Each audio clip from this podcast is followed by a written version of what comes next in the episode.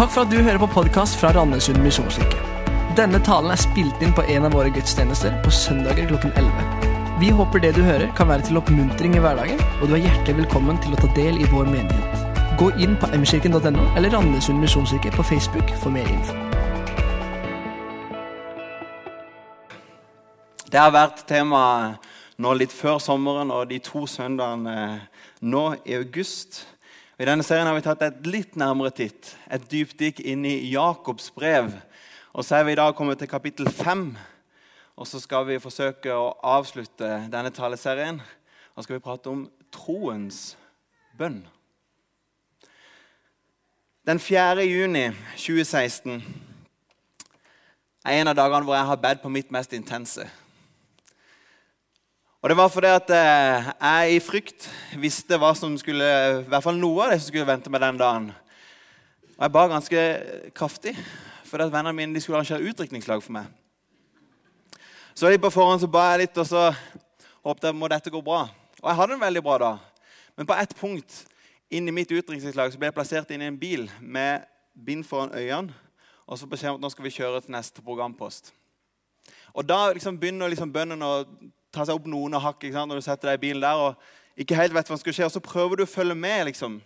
Selv om du ikke har, du begynner for øynene ikke ser, så prøver du liksom, hvor er det vi kjører her nå. Og når jeg begynner å ane hvor vi tok veien, så ble det liksom ikke noe bedre i mitt indre. For Vi stopper ca. ti minutter etterpå på Kjevik flyplass. Og så får jeg beskjed om at om 20 minutter så skal du hoppe i fallskjerm.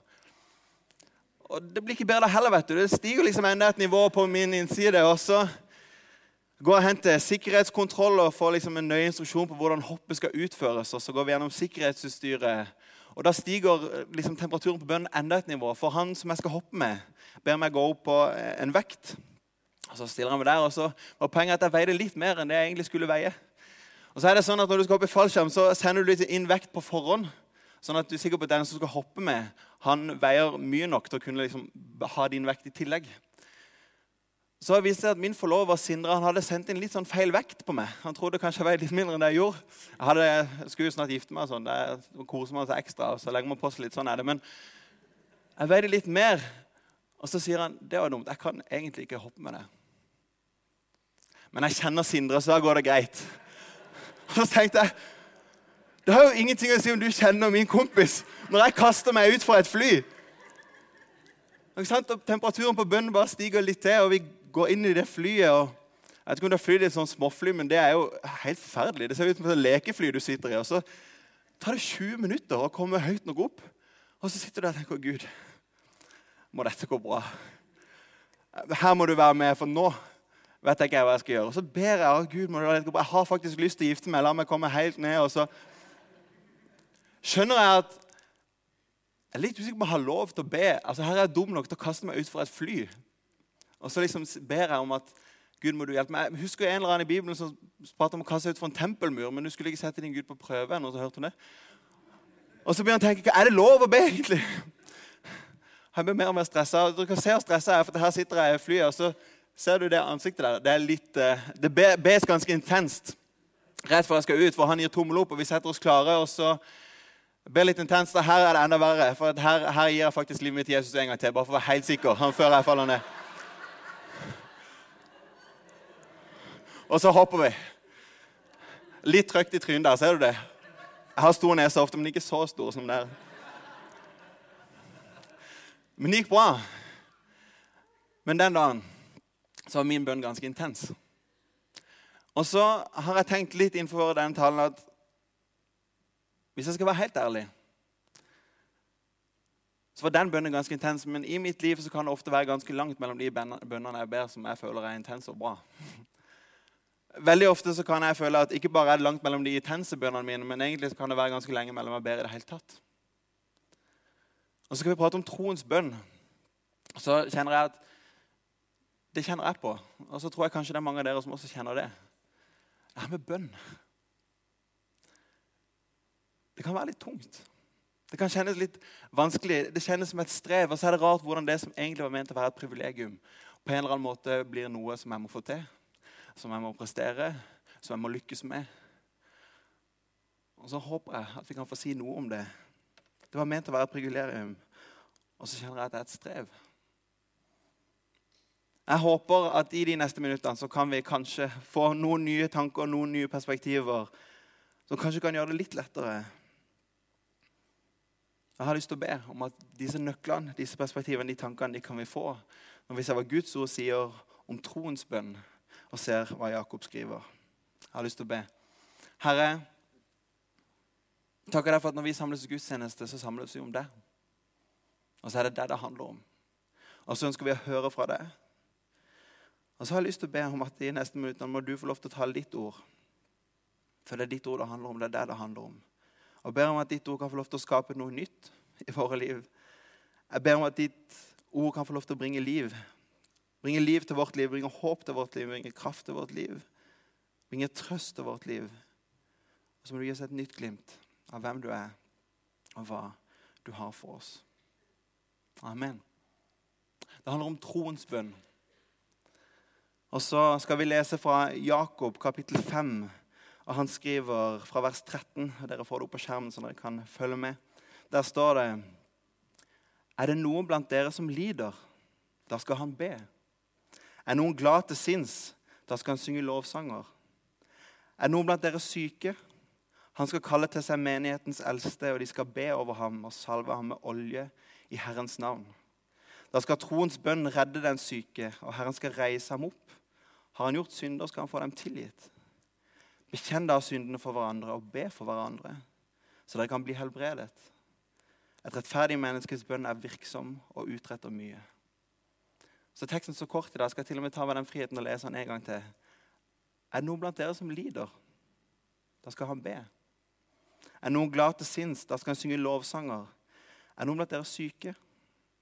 Han skal kalle til seg menighetens eldste, og de skal be over ham og salve ham med olje i Herrens navn.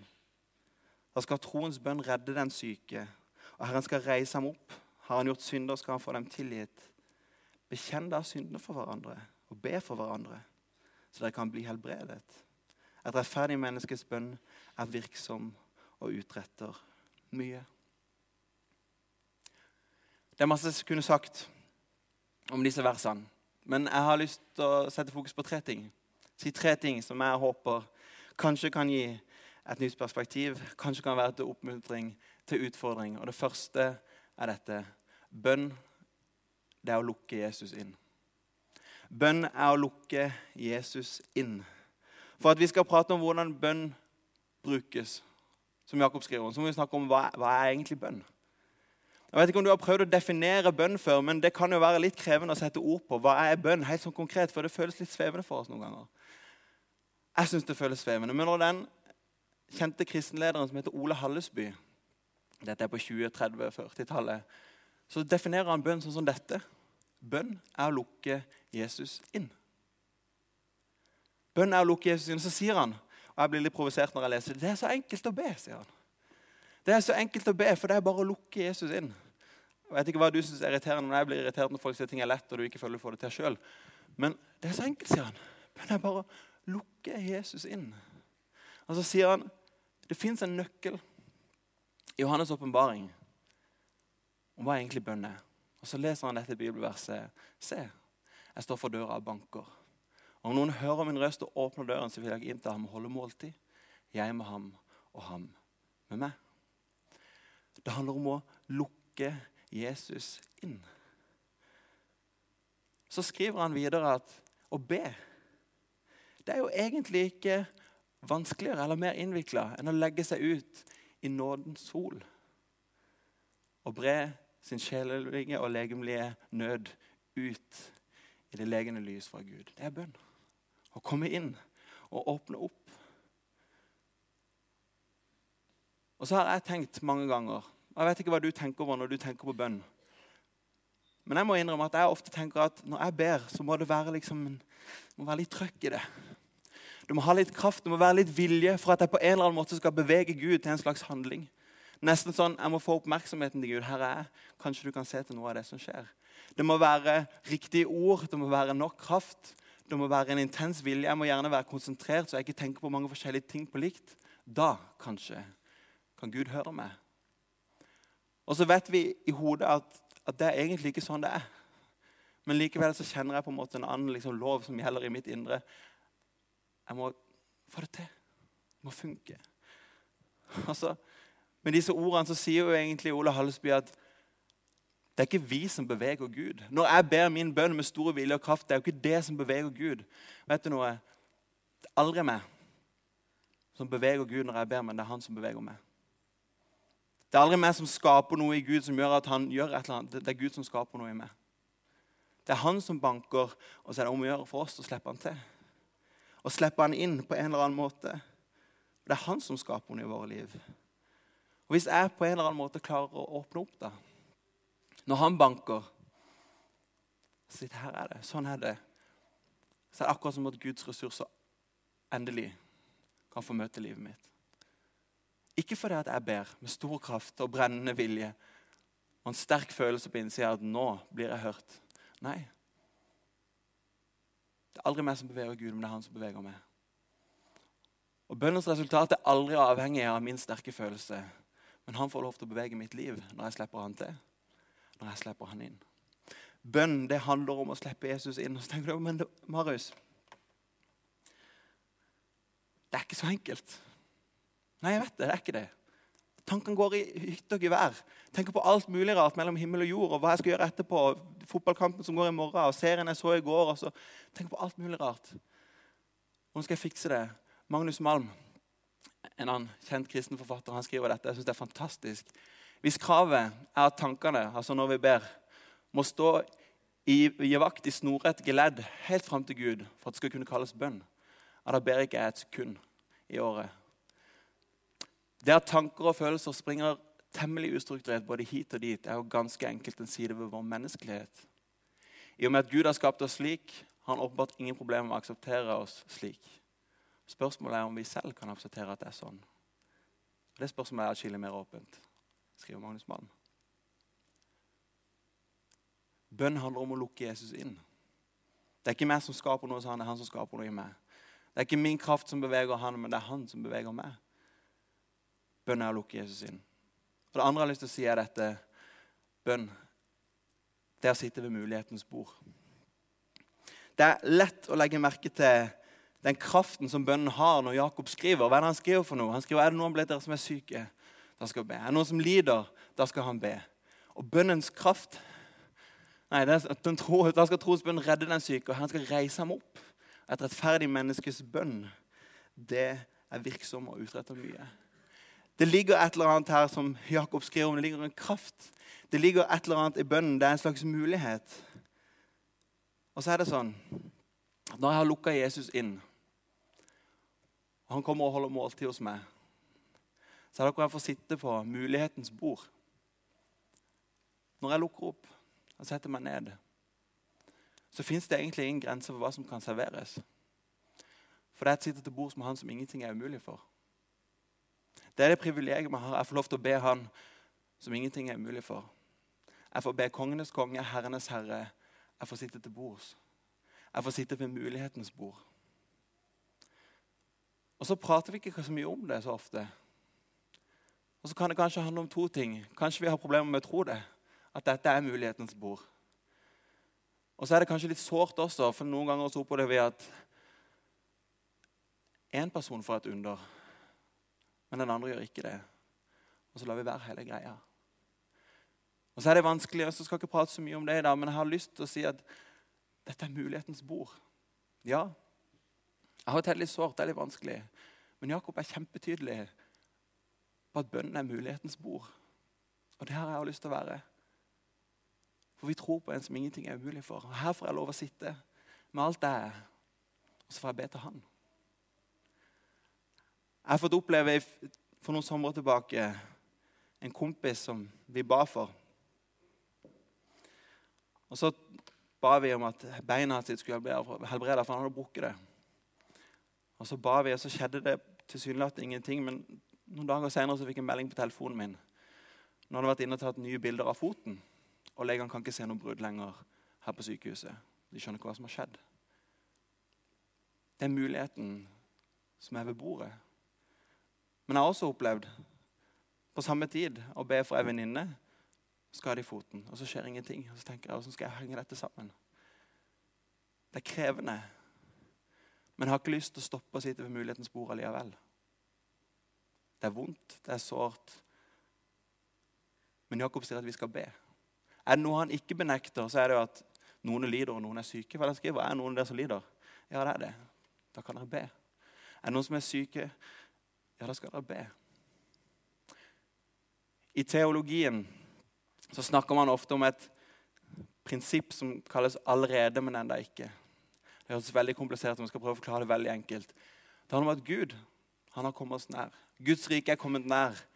Men vi lever her på jorda fortsatt. Vi er enda ikke i himmelen. Så allerede nå, selv om vi lever i denne verden hvor det er sykdom, hvor det er trengsler, så kan vi av og til få leve hvordan Gud virkelig griper inn i livene våre og gjør en forskjell. Allerede kan vi få oppleve det, men vi er enda ikke helt framme i himmelen hvor det ikke vil være noen sorg eller smerte. Men vi skal der en dag.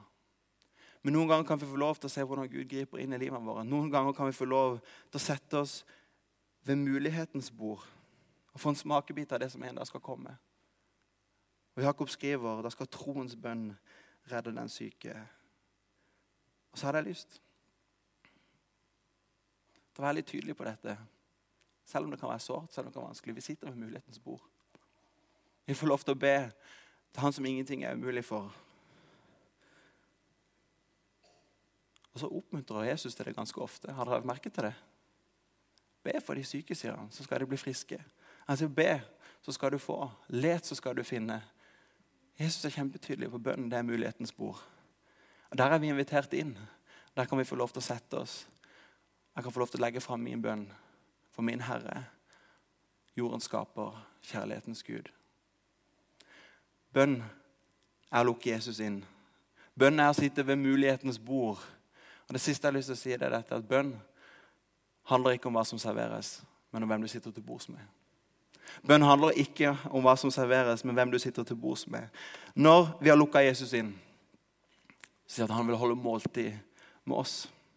Du sitter ved mulighetens bord og så kan alt serveres. Det fins ikke grenser for hva Gud kan gjøre, for hva han kan servere.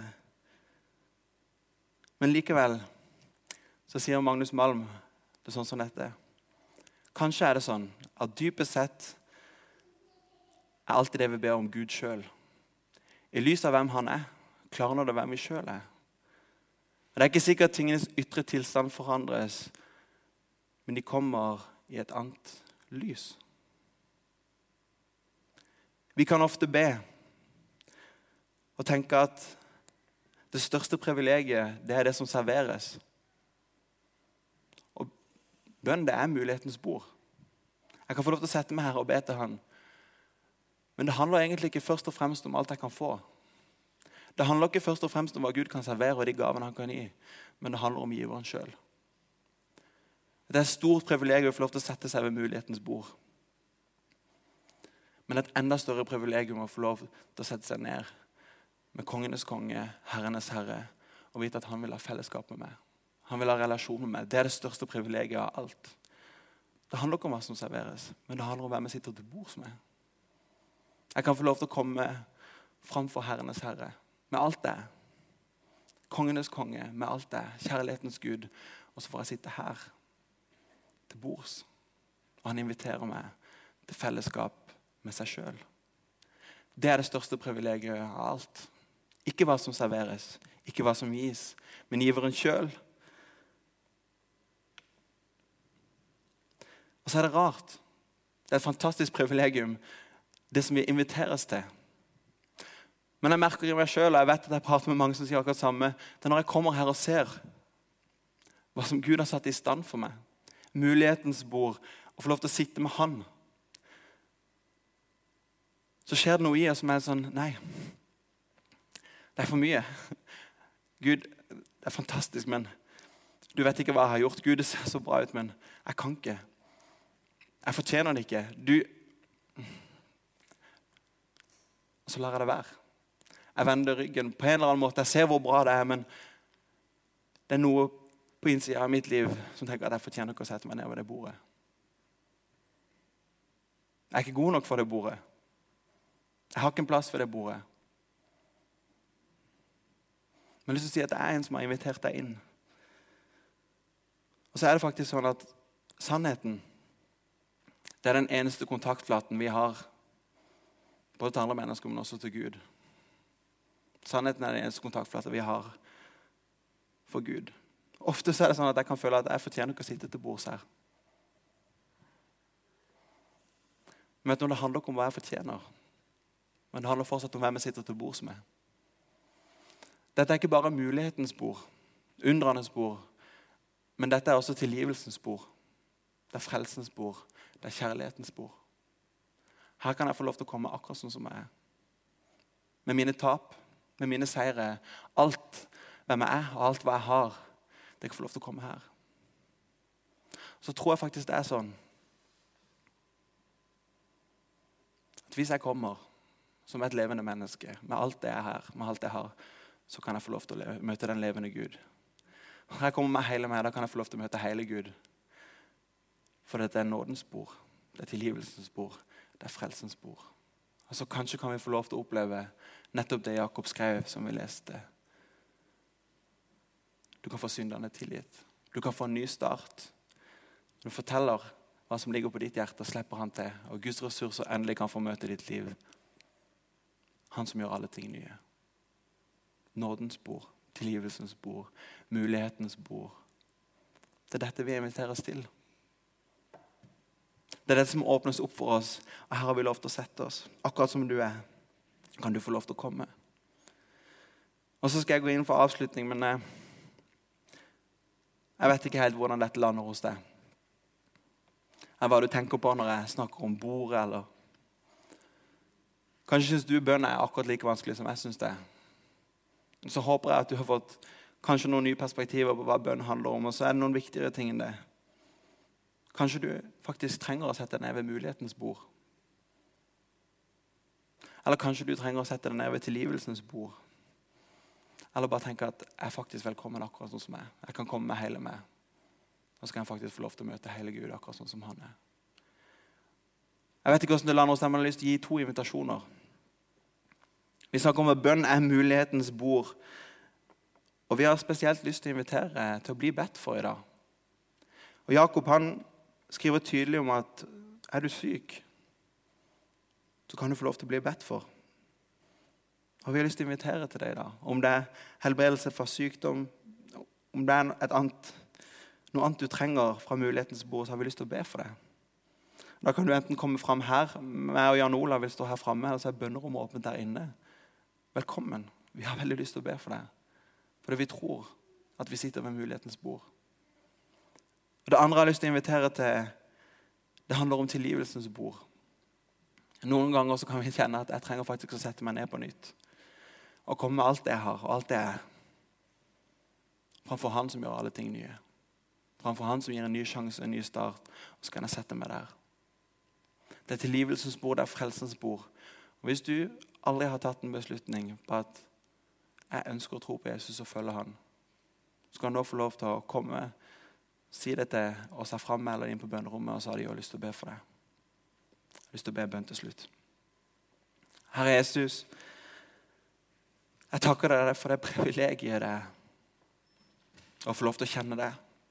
Takker deg, Herre, for at eh, det er du som banker. Det er du som først og fremst er interessert. Det er du som skaper noe i våre liv. Det er du som beveger oss. Og så får vi lov til å åpne opp, og så får vi lov til å slippe deg til. Herre, takk for at ingenting er umulig for deg. Takk for at vi sitter ved mulighetens bord når vi kommer fram for deg. Og så har jeg lyst til å takke deg, Jesus, for at det først og fremst ikke handler om alt du kan servere, alt du kan gi, men det handler om det, Herre.